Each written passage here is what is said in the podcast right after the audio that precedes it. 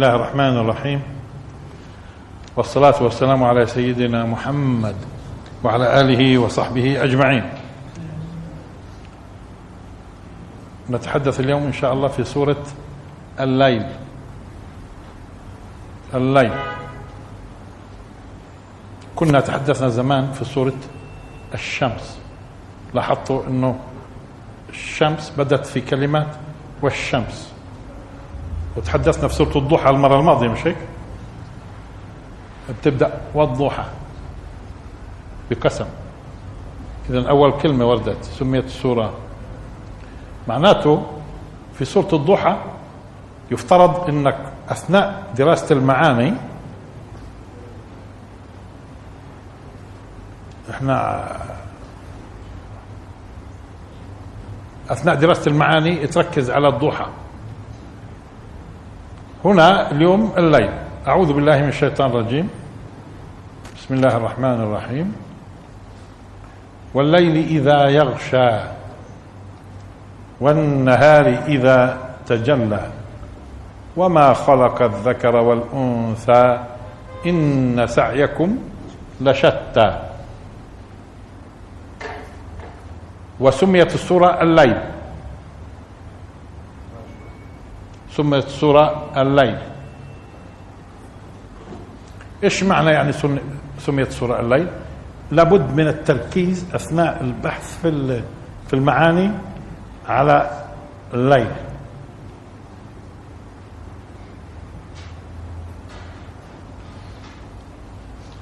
والليل اذا هو قسم والليل. وقلنا هون الله سبحانه وتعالى عندما يقسم بخلقه يعظم من هذا الخلق. ويلفت انتباه البشر إلى عظمة هذا الخلق والليل إذا يغشى يغشى يغشى فيه اولا معنى الستر والتغطية مع استيلاء وهيمنة خصوصا استخدم آه، لحظة اذا يغشى يغشى اذا فيه آه، فيه ستر وتغطية مع إيش؟ مع هيمنه وسيطره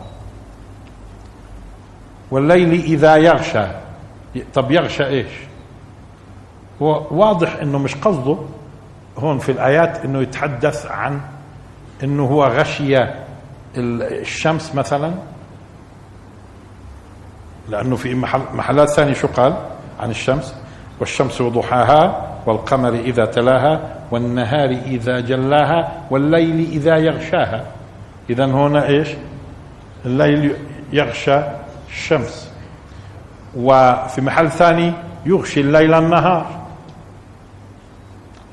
هنا اذا ما بده يتحدث عن إنه الليل بيغشى النهار ولا بيغشى الشمس.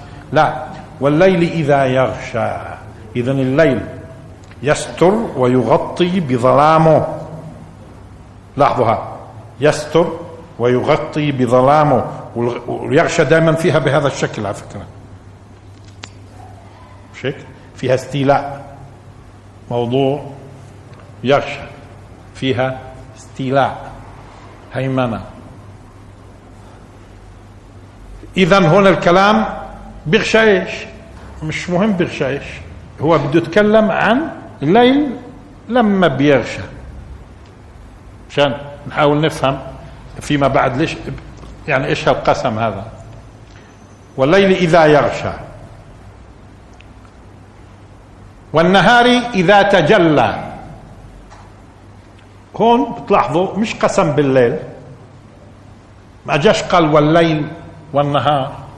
اذا هو يقسم هون بالليل وبالنهار وإنما يقسم بالليل لما بيغشى. والنهار إذا تجلى. التجلي هو الظهور بعد خفاء. الظهور بعد خفاء. يعني بيكون مختفي وبيظهر. فبنقول إيش؟ اتجلى اذا التجلية فيها وضوح. بس بيسبق هذا الوضوح إيش؟ خفاء. بيسبق هذا الوضوح خفاء. تجلي. اذا لاحظوا اذا صار في عندنا الليل يغشى إذا يغشى. طيب إذا التركيز مش على الليل فقط وإنما عندما يغشى ويغطي ويستولي بظلامه يستولي بظلامه والنهار عندما يتجلى بضيائه عندما يتجلى بضيائه وتجلي فيه وضوح ولكن بعد إيش؟ بعد خفاء. بعد خفاء. والليل إذا يغشى. والنهار إذا تجلى. وما خلق الذكر والأنثى. اذا هون برضه مش بده يقسم بالذكر والأنثى. بده يقسم بخلق الذكر والأنثى. ما جاش قال اذا والليل والنهار والذكر والأنثى. لا الليل إذا يغشى والنهار إذا تجلى. وما خلق الذكر والأنثى. وما وما خلق هون بعضهم بقول وما يعني ما هذه بمعنى الذي. يعني وأقسم بالذي خلق الذكر والأنثى. هون بعض المفسرين اذا وأهل اللغة بيذهب بتعرفوا أنتم ما إما بتكون م... م... تسمى موصولة بمعنى الذي مش هيك؟ موصولة بسموها بمعنى الذي ها آه اذا آه المبلغ الذي الذي دفعت يعني ما دفعت مش أنا ممكن أقول لك أنت أنت سجلت ما دفعت لك من مبالغ؟ شو يعني؟ أنت سجلت الذي دفعت لك؟ مش هيك ما هون بمعنى الذي. مش هيك آه. وإذا يكون القسم؟ والليل إذا يغشى والنهار إذا تجلى وأقسم بالذي خلق. وطبعا هذه ما بمعنى الذي أنا أرى شخصيا إنه هذا معنى ضعيف. ما هون؟ ما هون مش بمعنى الذي وإن كان ذكر في كتب التفسير في بعض وجوه إنه هون بمعنى الذي. هذا غير دقيق أو ضعيف هذا الوجه. وإنما هذه ما ما المصدرية. أو إذا بتذكروا في المرة الماضية في قصدي في مرة من المرات السابقة لما قلنا ما ما تكون لذوات غير العاقل ولصفات العقلاء.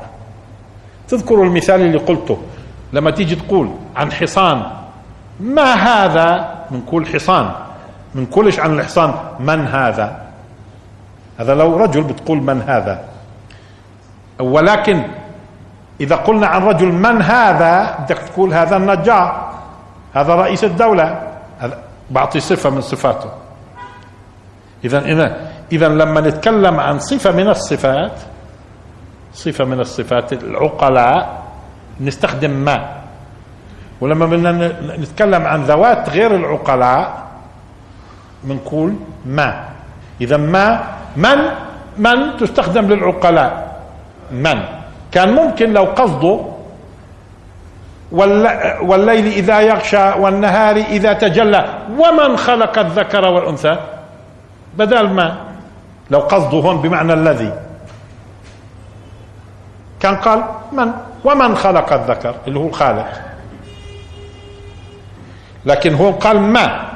اذا هون في تركيز على الصفة صفة الخالق القدرة مع العلم والحكمة. بس إيش؟ دائما ما فيها تعظيم. ولذلك لاحظوا كيف راح ألفظها الآن. لاحظوا كيف بدي ألفظها. بقول والليل إذا يغشى والنهار إذا تجلى وما خلق الذكر والأنثى. يعني إيش هنا؟ تعظيم لصفات من خلق الذكر والأنثى. المقصود هون إنه بده يوضح لك إنه هذا الخلق خلق الذكر والأنثى عظيم. حتى مش بس هيك وأعظم من الليل وأعظم من النهار. يعني أعظم من النظام الليل والنهار ثنائية الذكر والأنثى. ثنائية الليل والنهار هذا خلق عظيم. ثنائية الليل والنهار. وشوفوا دور الليل والنهار في الوظائف الحياتية لقيام الحضارات البشرية. بشكل دور الليل والنهار. قلنا قلنا سابقا إذا بتذكروا ليل فيش فيه أي معنى سلبي. الظلمة اللي فيها معنى سلبي. الظلمة لأنه بعض الناس قد يتصور الليل يعني فيه ظلام فهو بدنا نتكلم في شيء سلبي. لا الليل ما بيكونش سلبي. الليل الله خلقه لوظائف والنهار لوظيفة والأصل خلق النهار. لأنه الإنسان من أجل أن يكون خليفة والليل بيلزمه والليل بيلزمه. لو كلها نهار مشكلة. لو كلها نهار مشكلة. فالنهار سبق هذا تكلمنا فيه. والآن إذا لكن لما يقول وما خلق الذكر والأنثى؟ الآن بيتكلم عن عظمة صفات من خلق. صفات من خلق الذكر والأنثى. شو المعنى؟ المعنى أنه خلق الذكر والأنثى عظيم. ويبدو على فكرة أنه القسم متصاعد. يبدو أنه القسم هون متصاعد. بدأ بالليل لأنه أهم من الليل النهار. لأنه أصلا الخلق النهار هو الأساس من أجل الخلافة في الأرض. ولكن الليل ضروري بس أنو أهم؟ النهار. متصاعد على فكرة. والليل إذا يغشى والنهار إذا تجلى وما خلق الذكر والأنثى. هاي صار في عندنا. في عندنا الزمان اللي هو الليل والنهار اللي فيه حركة البشر وإيش؟ والذكر والأنثى اللي بنتج عنهم إيش؟ بنتج عنهم البشر وبالتالي الخلافة في الأرض. زمان زمان والمستخلف نفسه. القائم على مبدأ إيش؟ الزوجية. على فكرة الزوجية هي ومن كل شيء خلقنا زوجين لعلكم تذكرون. من كل شيء زوجين. يعني قانون الزوجية هذا قانون كوني. سبحان الذي خلق الأزواج كلها مما تنبت الأرض ومن أنفسهم ومما لا يعلمون. حتى من الأشياء اللي ما نعرفهاش الزوجية هاي. الزوجية. لاحظوا زوجية الليل والنهار. الذكر والأنثى. تمام؟ ويبدو لي كمان على فكرة بس مش وقته الآن في زوجية خلق الإنس والجن. ما هو متى بنعتبرها زوجية نحن؟ متى بنعتبرها زوجية؟ عندما يكون هناك تكامل في الوظيفة. أي اثنين متكاملات وظيفيا اسمهم زوج. أي اثنين متكاملات وظيفيا زوج. فالليل والنهار في تكامل وظيفي ولا ما فيش؟ هذول زوج. الذكر والأنثى في تكامل وظيفي ولا ما فيش؟ هذول زوج. مش أي اثنين زوج. اثنين المتكاملات. والإنس والجن زوج يبدو مش وقته. نبين نوضح. زوج الأصل الإنس الأصل الإنس. وزوجية الجن في الدنيا وزوجية الجن في الآخرة الجن يكمل وظيفيا بس وإحنا مش شايفين. سبحان الذي خلق الأزواج كلها مما تنبت الأرض ومن أنفسهم ومما لا يعلمون. ولذلك سورة الرحمن الرحمن بتركز على زوجية الإنس والجن. فبأي آلاء ربكما تكذبان؟ فبأي آلاء ربكما تكذبان؟ فبأي آلاء ربكما تكذبان؟ تجد إنه مثل ما قلنا لهم مثل ما قلنا لهم في الدنيا وفي الآخرة. لكن إحنا الأساس الأساس الإنس والجن مكمل طب شو ضرورته يكون موجود في الحياة مشان يكمل وجودنا؟ هو خفي بكمل وجودنا من حيث لا ندري. وفي الآخرة خفي يكمل وجودنا كمان معنا في الجنة كمان يكمل وجودنا. بس الأصل في وجود إحنا. وظهر إنه الأصل في الوجود إحنا لما شفت إبليس كيف لما عرف الحقيقة شو عمل إبليس آه، آه، عصى واستكبر وتفاصيل وكان يتصور إنه المسألة راح تكون للجن. فإذا بها للإنس. تمام؟ اذا والليل إذا يغشى اذا يغشى فيها معنى السيطرة والهيمنة والتغطية والستر بظلامه والليل إذا يغشى والنهار إذا تجلى وقلنا التجلي الظهور بعد خفاء بوضوح وما خلق الذكر والأنثى قلنا هون الماء تستخدم في صفات العقلاء وفي ذوات غير العقلاء وفي صفات وهون فيها إيش؟ فيها تعظيم وتفخيم وما خلق الذكر والأنثى إذا خلق الذكر ولأنه هون ممكن تكون ما كمان بسموها مصدرية. شو المعنى؟ يعني وخلق الذكر والأنثى. يعني عم بيقسم مش بالذكر والأنثى بخلقهم. لأنه خلقهم عظيم. طيب لاحظوا كم قسم في عندنا؟ والليل إذا يغشى والنهار إذا تجلى وما خلق الذكر والأنثى. هذه الثلاثية هذه الثلاثية راح تلاحظوها مستمرة في سورة الليل. وبدناش ننسى في أي لحظة إنه هو اسمها الليل وإنه بدأ فيها الليل عشان نشوف إيش العلاقة في القسم. ثلاثية اذا أق... ثلاث أقسام لأنه جمع قسم هو أقسام. شيك؟ آه، اذا إن سعيكم لشتى. هون أكد بإن وباللام اللي لحقت لشتى. لاحظوا. وراح تلاحظوا التأكيد بأن واللام برضه يتكرر. إن سعيكم الخطاب لمين؟ للبشر المستخلفين هذول. إن سعيكم لشتى. اذا اذا الأقسام الثلاثة اللي كانت بالليل إذا يغشى والنهار إذا تجلى وخلق الذكر والأنثى وما فيه من عظمة إن هي التأكيد الأول سعيكم لشتى أما السعي أما السعي لما يستخدم السعي ما يكون فيه جد واجتهاد بقصد. يعني فيه قصد.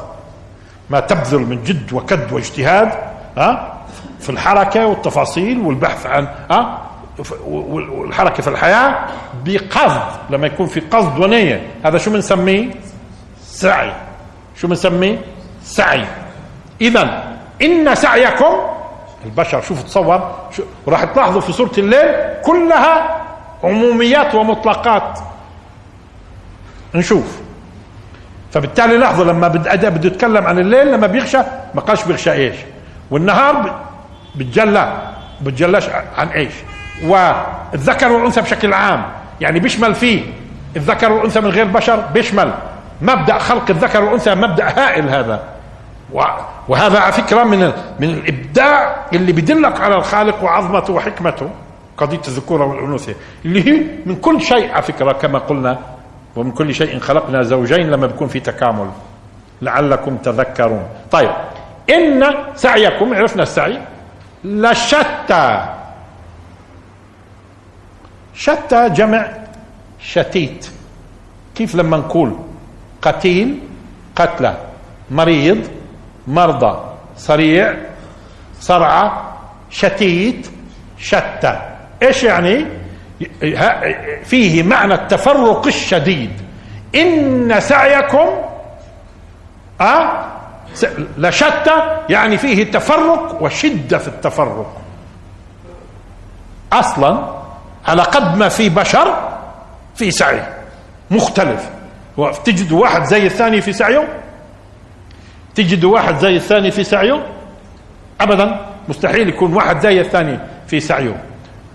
قد ما إحنا قد ما في أعداد بشر في سعي. ومن هون استخدمت إيش؟ إن سعيكم لشتى. اذا اذا الاقسام كانت كلها كلها من أجل هذا الكلام. إنه قل لنا سعيكم يا بشر فيه تفرق شديد. قديش يعني؟ فيه تفرق بقدر عددنا وفيه أحيانا ما تجده فوق فوق وفيه اللي بتجده تحت تحت. فيه بتجده اللي يترقى فيه بتجد اللي يتدلى في سعيه. ما يبذل اذا من جهد آه ما يفعل عن قصد في الحياة. هذا السعي. هذا بيختلف من إنسان لإنسان وبالتالي في تفرق شديد. وهذا معنى وذلك إذا بتلاحظوا مثلا شو سموا مثلا الهجرة الفلسطينية؟ الشتات الفلسطيني. ليش؟ تفرقوا تفرق شديد. الشتات. مش هيك؟ الشتات الفلسطيني. لأنه صار بعدها تفرق شديد. وتباعد كبير بين الناس. واستخدم القرآن كلمة أشتاتا. مش هيك؟ في برضه يعني إذا تكررت هذا استخدام هذا الفعل. إن سعيكم لشتى هي في كمان تأكيد تأكيد بإن وباللام. طيب لاحظوا الآن بده يبدأ يعطينا بعض التفصيلات في نتائج هذا السعي. في نتائج هذا السعي المرتبط بالنوايا. دققوا معي مرتبط بالنوايا. لأنه راح نرجع لها. في الآن راح يعطينا تفصيل بعض التفصيل في قضية اختلاف المساعي اللي وراءها النوايا. فأما فأما من أعطى واتقى وصدق بالحسنى فسنيسره لليسرى. فأما لأنه هون تفصيل الآن إن سعيكم لشتى الآن بده يفصل لنا بعض التفصيل بده يعطي مثل مثل سعينا صحيح في فيه إيش؟ تفرق شديد. لكن في النهاية ممكن إحنا نجمع أهل الخير. آه؟ أهل الخير وكأنهم يعني شيء واحد الآن وهم مش رح يكونوا واحد ولا الآخرة أكبر درجات واكبر تفضيلا. وأهل الشر. الآن مجموعتين بس كل مجموعة في بينهم ها تفاوت هائل. القط الأتقياء واحد الأتقياء واحد لا. وكمان أهل الشر واحد لا. درجات. ودرجات متفاوتة. إلى درجة أحيانا بعض أهل الشر أنت بتستغرب. بشر هذول بشر؟ خصوصا اليوم في موضوع الربيع العربي.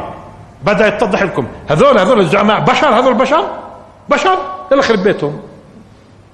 بشر؟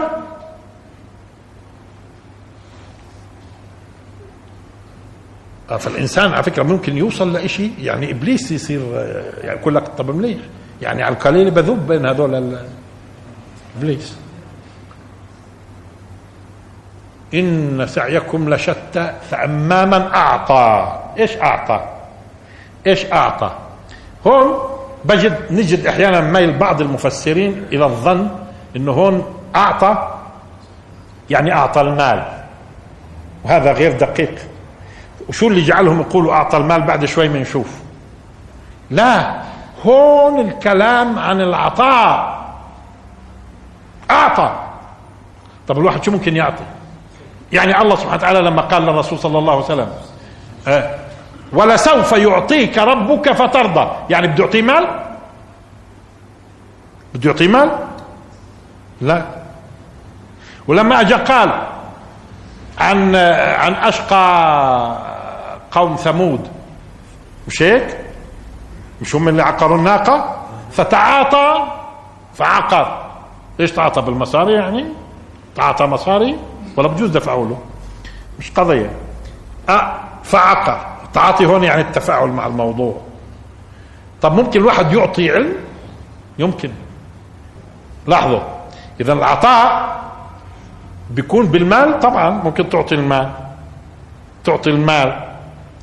لكن مين قال إنه هون آه، هون السورة كلها أصلا تعطي عموميات؟ فأما من أعطى بس لاحظوا بعدها إيش قال؟ واتقى. إذا معناته العطاء في أي اتجاه؟ في أي اتجاه؟ الإيجابي ولا السلبي؟ لأنه ممكن يعطي السلبي هو. مش هيك كيف لما قال فعلى ما نعطي الدنية في ديننا؟ فلان بتعاطى المخدرات. مش بنقولها إحنا؟ بتعاطى مخدرات ولا إحنا غلطانين بالعربي؟ آه اذا اذا هون مش أعطى يعني بمعنى كيف لما إحنا فلان نقول معطاء؟ شو قصدنا لما نقول معطاء؟ قصدنا نمدح ولا نذم؟ إحنا لما نقول فلان معطاء قصدنا نمدح ولا نذم؟ واضح السياق إنه بنمدح معطاء مش في المصاري بس. مش في المصاري بس. هذا في الجهد بيعطي. ليش ما فيش اساتذه معطائين؟ شو يعني اساتذه معطائين في المدارس؟ يعني بجهد وكد وتعب وبده يفهم هذا معطاء ولا مش معطاء؟ هذا بيعطي ولا بيعطيش؟ هو أصلا الأستاذ المدير بيسأل.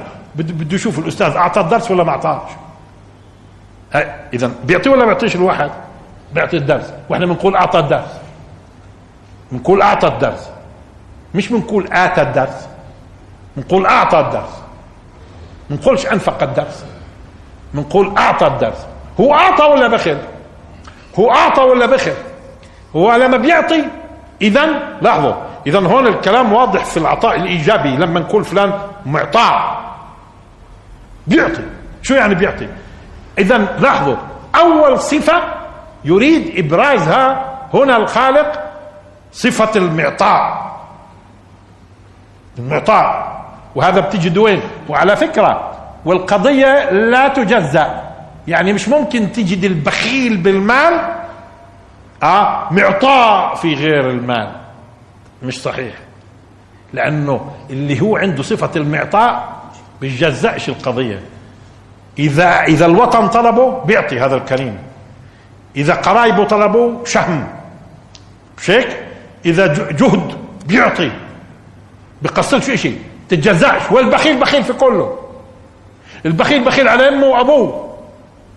والبخيل بخيل في الوفاء.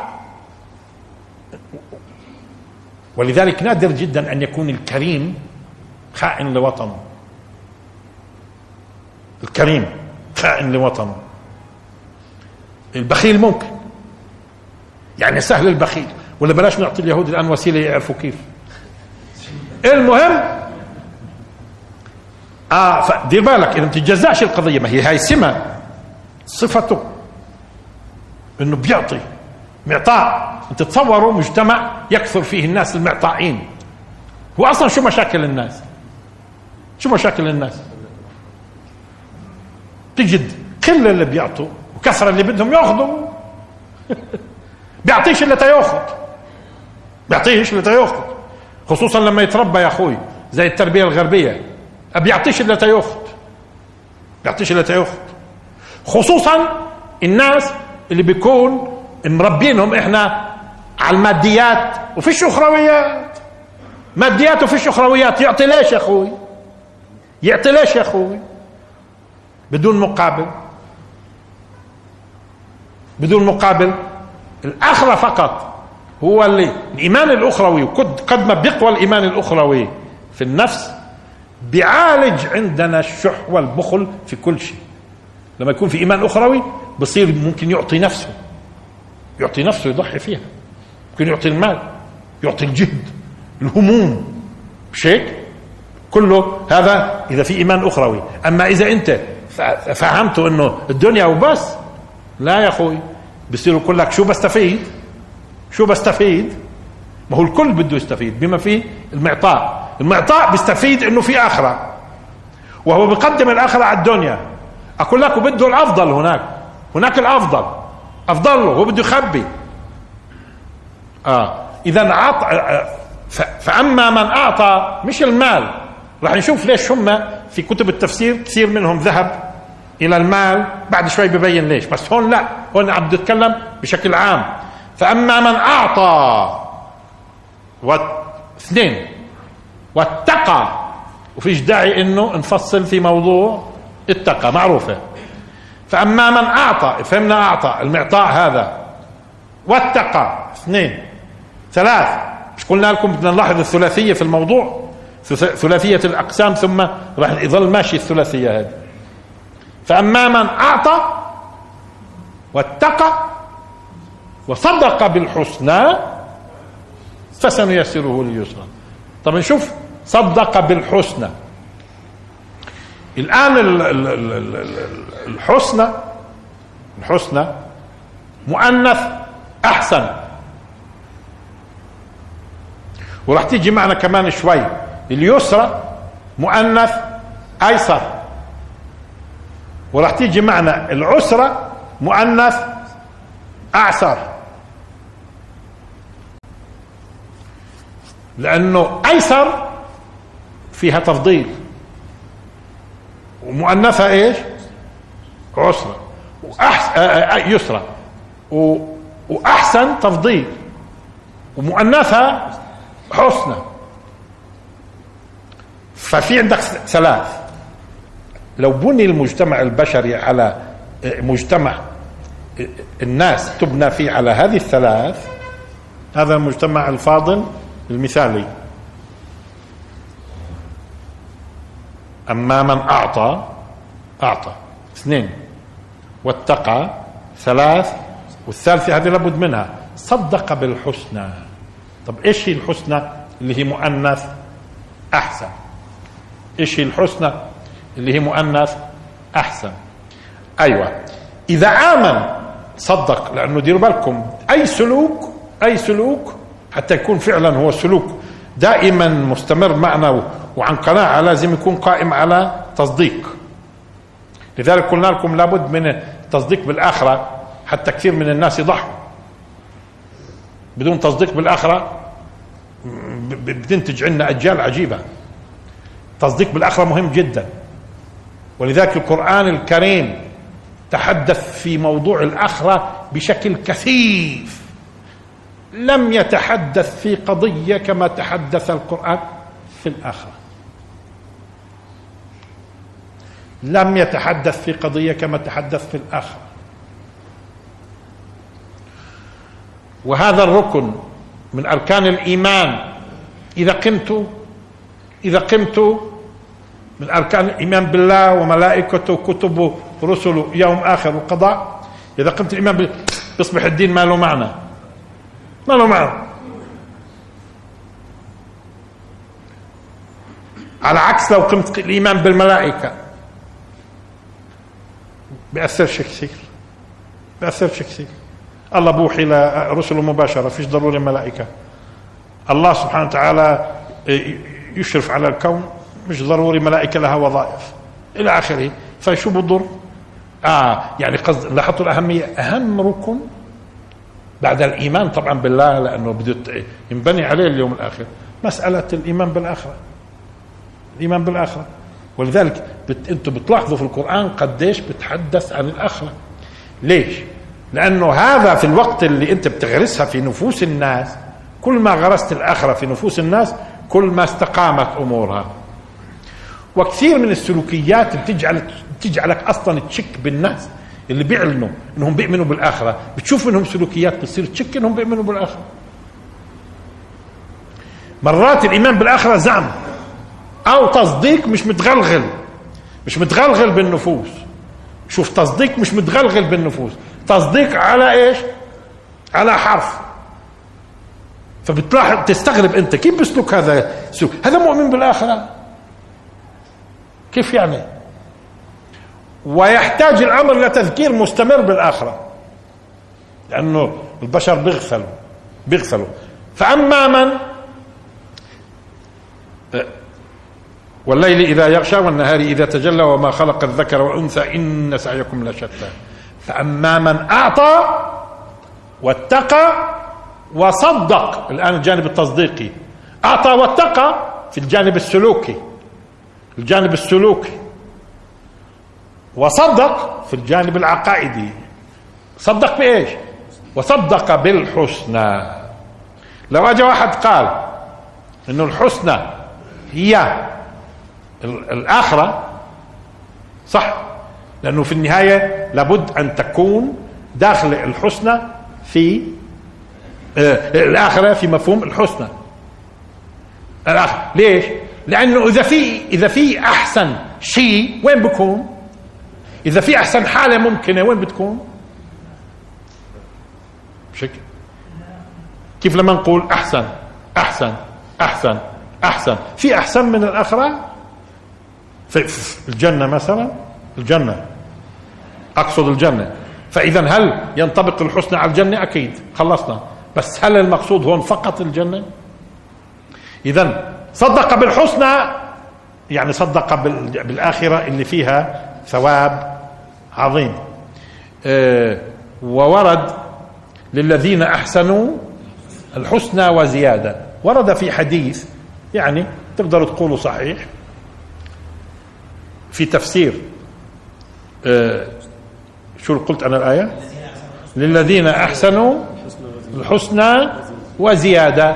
فسرت الزيادة الحسنى أنها الجنة في الحديث. فسرت الحسنى بأنها الجنة وفسرت الزيادة بأنها النظر إلى الله. وجوه وجوه يومئذ ناظرة إلى ربها ناظرة. الحديث هذا إذن للذين أحسنوا الحسنى فسرت الحسنى الجنة. وزيادة شو ممكن يكون زيادة على الحسنى هذه؟ النظر إلى إلى الله. إيه، إيه، لذلك أهل السنة والجماعة على خلاف مثلا المعتزلة المعتزلة ينكرون رؤية الخالق. إيه، مش مهم أفسر شو يعني معتزلة الآن. وأهل السنة والجماعة في عقيدتهم أن الله يتجلى لعباده. أما ما هو القانون ما هو القانون الأخروي؟ ما هو القانون الأخروي؟ لا ندري. وفسروا إذن وجوه وجوه يومئذ ناظرة إلى ربها ناظرة إنه نظر حقيقي. الحسنى طيب إيش؟ آه. هذا صدق صدق أنه هناك ما هو أحسن راح يرجع عليه مما قدم.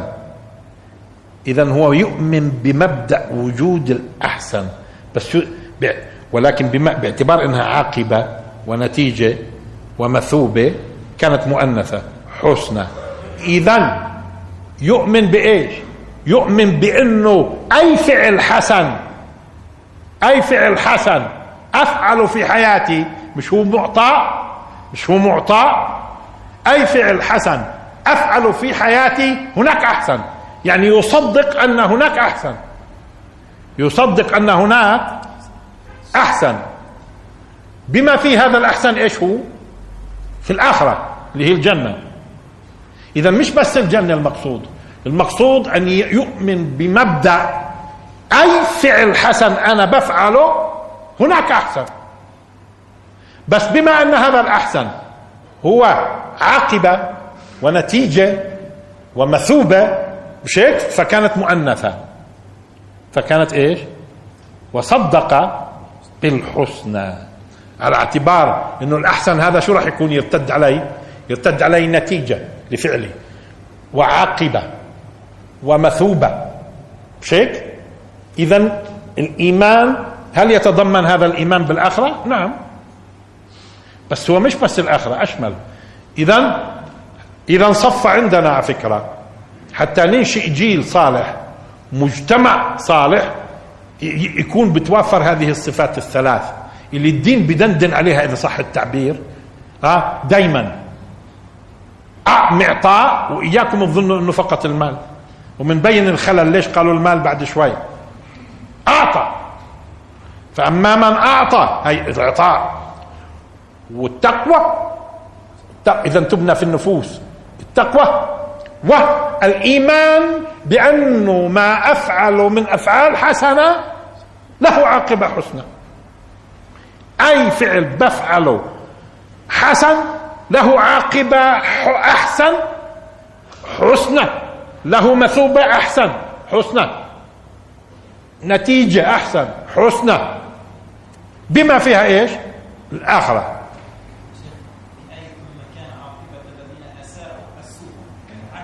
أيوة. ثم كان عاقبة الذين أساءوا السوء. أيوة. هاي ما هي بتفسر معنى إذا انتبهت الثلاث قضايا شو هي شو المطلوب في البشر في تربيتهم؟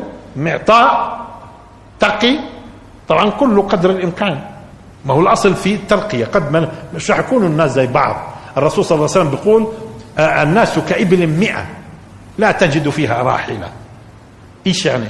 كمان مرة الناس كإبل مئة لا تجد فيها راحلة. يعني الراحلة الراحلة الناقة مثلا القوية الشديدة اللي يمكن تركب عليها وتجوز المسافات الهائلة. هذه الراحلة بمعنى الكلمة. فالناس بيشبهوا زي الإبل المئة. كل مية بتطلع منهن؟ إذا كان بدك يعني بمعنى الكلمة. إذا بدك بمعنى الكلمة طلع منهن واحدة من كل مية.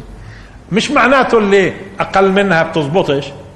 لا هذه إذا بتمشي لك 100 كيلو بدون ما تت... هذه في في بيمشي 80 وفي بيمشي 70 من الرواحل وفي بيمشي 50 مش هيك؟ ماشي. ولذلك إحنا نتعامل مع الناس حسب قدراتها. نتعامل مع الناس حسب قدراتها. ويكون هدفنا دائما تن تنمية الناس في هذه القدرات. كل ما غرست فيه على فكرة التقوى والإيمان بالآخرة كل ما صار معطاء وانتهت بتنتهي المشاكل أصلا بتنتهي المشاكل أصلا. إذا فأما من أعطى واتقى وصدق بالحسنى فسنيسره لليسرى. س في إيش؟ تأكيد مستقبلي. بيأكد إن مستقبليا إنه هذا راح ايسر لليسرى. طب نشوف إيش يسر يسرى يسر لليسرى اللي بيعطي بالتقي وبيصدق بالحسنى يعني يصدق بالعاقبة الأحسن يصدق بالعاقبة الأحسن وممكن تكون العاقبة الأحسن على فكرة في الدنيا كمان. ممكن تكون العاقبة الأحسن في الدنيا واللي أحسن منها في الآخرة. واللي أحسن منها في الآخرة. اللي بيصدق بهذا فسنيسره. طيب لإيش؟ لليسرى. كيف بده يسر لليسرى إنه ييسر له فعل الصالحات والطاعات تصبح ميسرة. لاحظوا هاي قضية أول قضية ييسر له فعل الطاعات وبتصير هذه الطاعات بعد ما كانت لاحظوا بعد ما كانت ثقيلة شو بتصير؟ محبوبة. كيف الرسول صلى الله عليه وسلم لما قال أرحنا بها يا بلال؟ مش الرسول طبعا القمة؟ فكان وين يجد راحته الرسول؟ في الصلاة. وإحنا ما بنصدق إيش تخلص الصلاة. وإذا طول الإمام شوي يا ويله يا ويله ها؟ وبنبقى نحسب حساب للصلاة وانت بدها تخل... تيجي وانت بدها تخلص. تمام؟ تمام؟ لأن فيها وأمر أهلك بالصلاة واصطبر عليها. في أثرتها بدها صبر مش هيك؟ ليش؟ لأنه فيها انتظام وتفاصيل ومط... مش مطلوب يوم واحد تمام؟ آه فسنيسره يعني راح يجد إنه هو بصير يتغير بحيث تصبح الأمور يسيرة ومش بس هيك ونجعل لحظة إذا ييسر عليه فعل الطاعات المؤدية لإيش؟ في النهاية إلى أن إلى إلى اليسرى اللي هي التنتين. يسرى دنيوية واليسرى الأخروية اللي هي إيش؟ الجنة. وعلى فكرة كل ما كان آه كل ما كان أسهل بيكون أسرع. يعني التيسير التيسير فيه مسارعة. بمعنى إنه الله سبحانه وتعالى بصير يهبه. وهذا على فكرة بده يلاحظوا الناس على أنفسهم كل ما تقرب إلى الله. لاحظوا شو قال؟ أعطى اتقى صدق بالحسنى. بصير إيش؟ كل ما تق... يوم بعد يوم يشوف المسألة أسهل. يوم بعد يوم يشوف المسألة أسهل. أسهل أسهل. حتى لو الحياة شو يكون فيها مصائب. حتى لما بتنزل المصيبة بتنزل على نفسه أسهل مما لو ما كانش معد سابقا.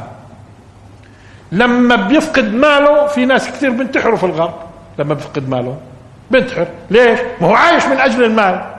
لكن المسلم ديروا بالكم اللي متوفرة في صفات الثلاث.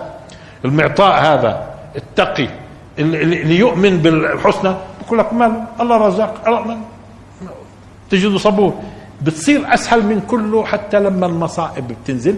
اذا الله ييسر له فعل الطاعات وفي النهاية من ضمن التيسير بصير يحبها. وفي النهاية ما بيجد حاله إلا وين؟ في الحسنى الأخيرة اللي هي أني؟ الجنة.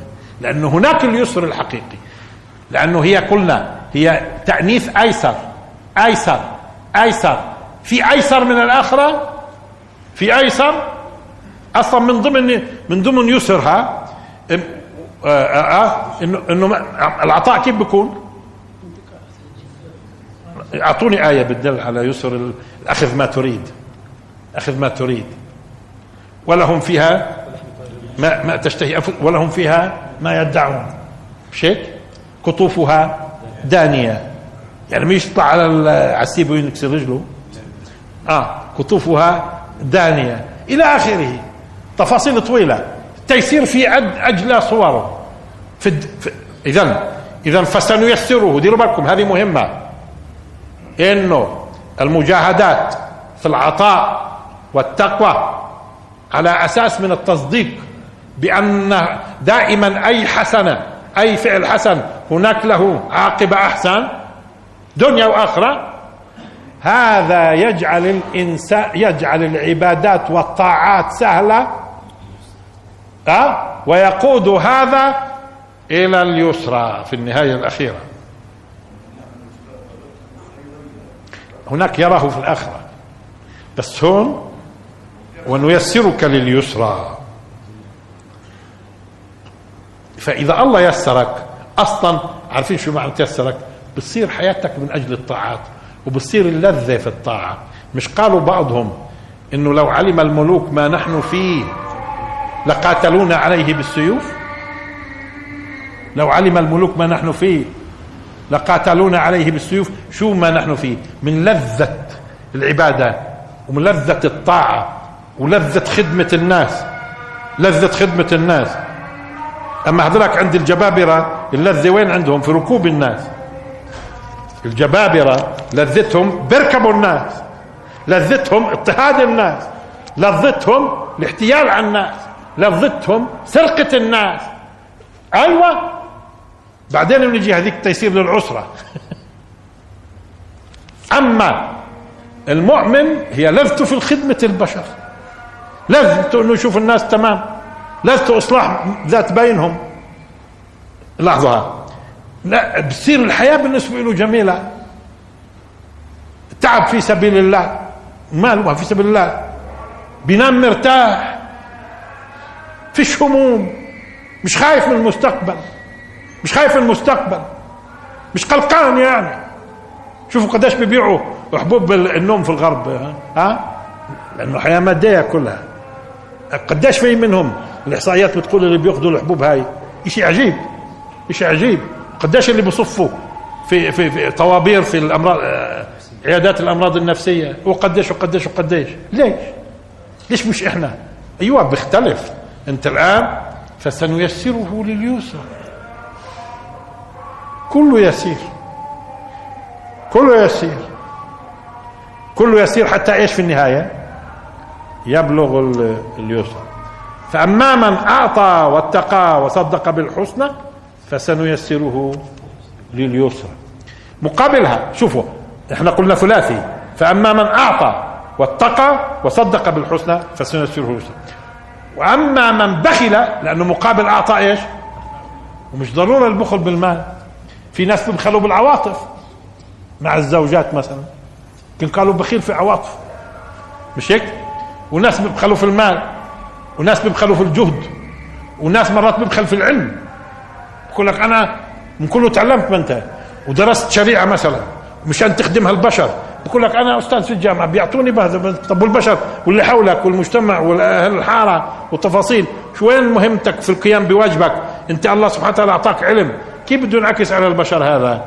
بس شو بدفعوا لي؟ وظيفة أما غير هيك أنا ما شيء استفدنا معناته إحنا. هذا فيش عطاء معناته. مش هيك؟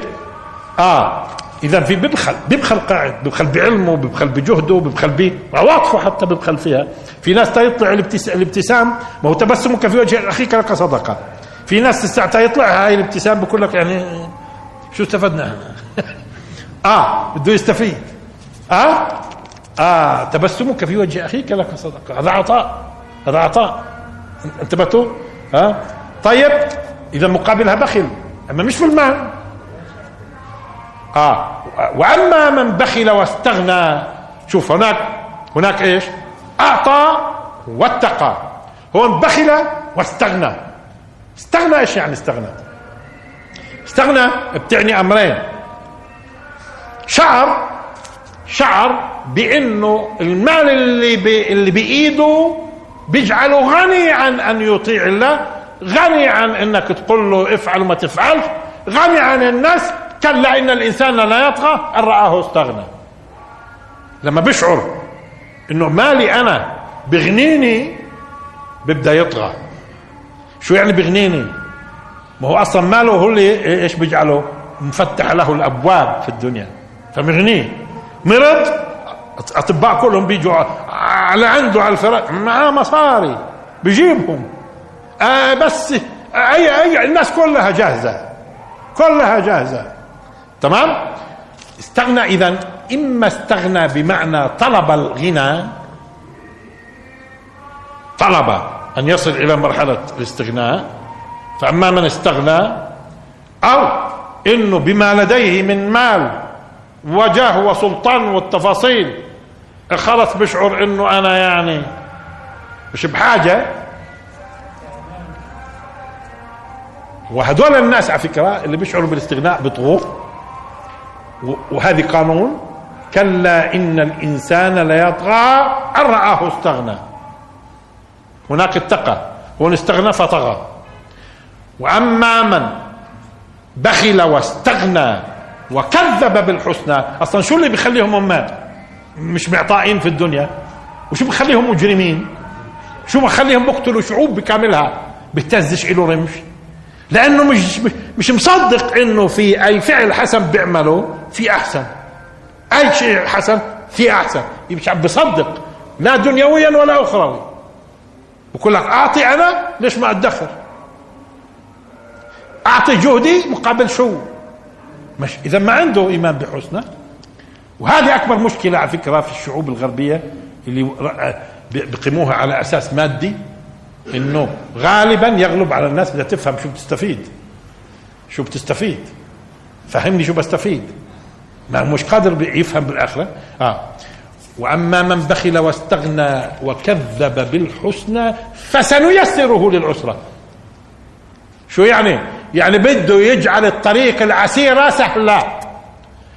يعني زي ما قالوا يعني بشحم له إياها بحط شحمه مشان يتزحلق في في إيش؟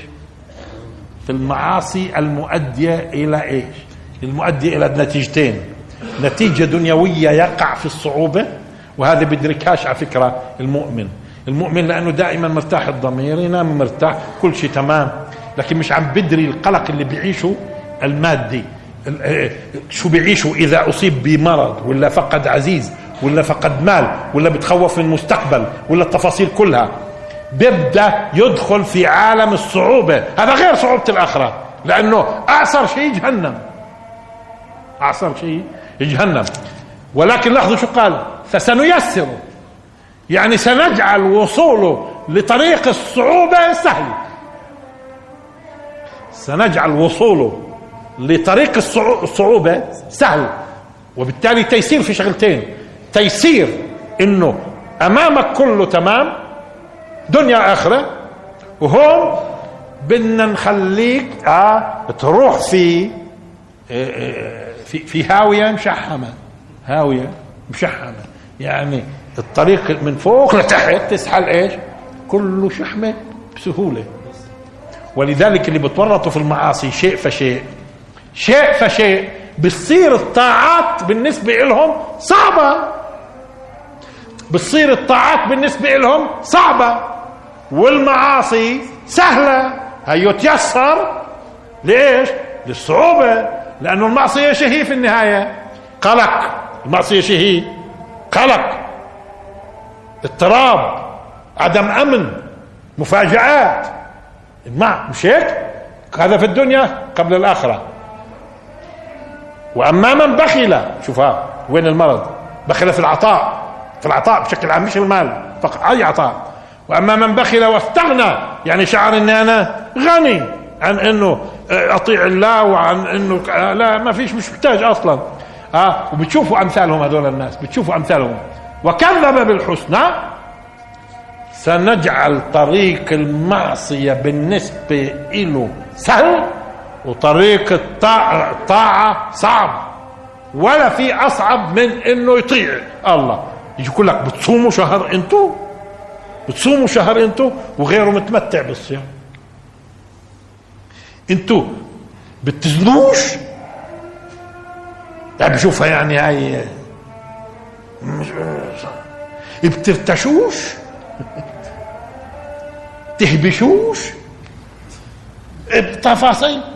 كله بتجده مسهل له الباطل ويبي مصعب الحق. لأنه فسنيسره للعسرة. عسرة الدنيا اللي هي أعسر. واللي بتقود لعسرة اللي هي في الآخرة. لأنه في شيء أعسر من الآخرة يومها. فذلك يومئذ يوم عسير على الكافرين غير يسير. فذلك يومئذ هذه هذيك العسرة اللي بمعنى الكلمة فيش أعسر منها. فذلك يومئذ يوم عسير على الكافرين غير يسير. طيب إذا اليوم إحنا نوقف هون مشان نقدر نربط على فكرة ما ربطناش. مهم نربط القسم هذا الأولاني وشو علاقته. هذا بعد ما تكتمل السورة إن شاء الله ببين معنا العلاقة في القسم. وآخر دعوانا الحمد لله رب العالمين وبارك الله فيكم.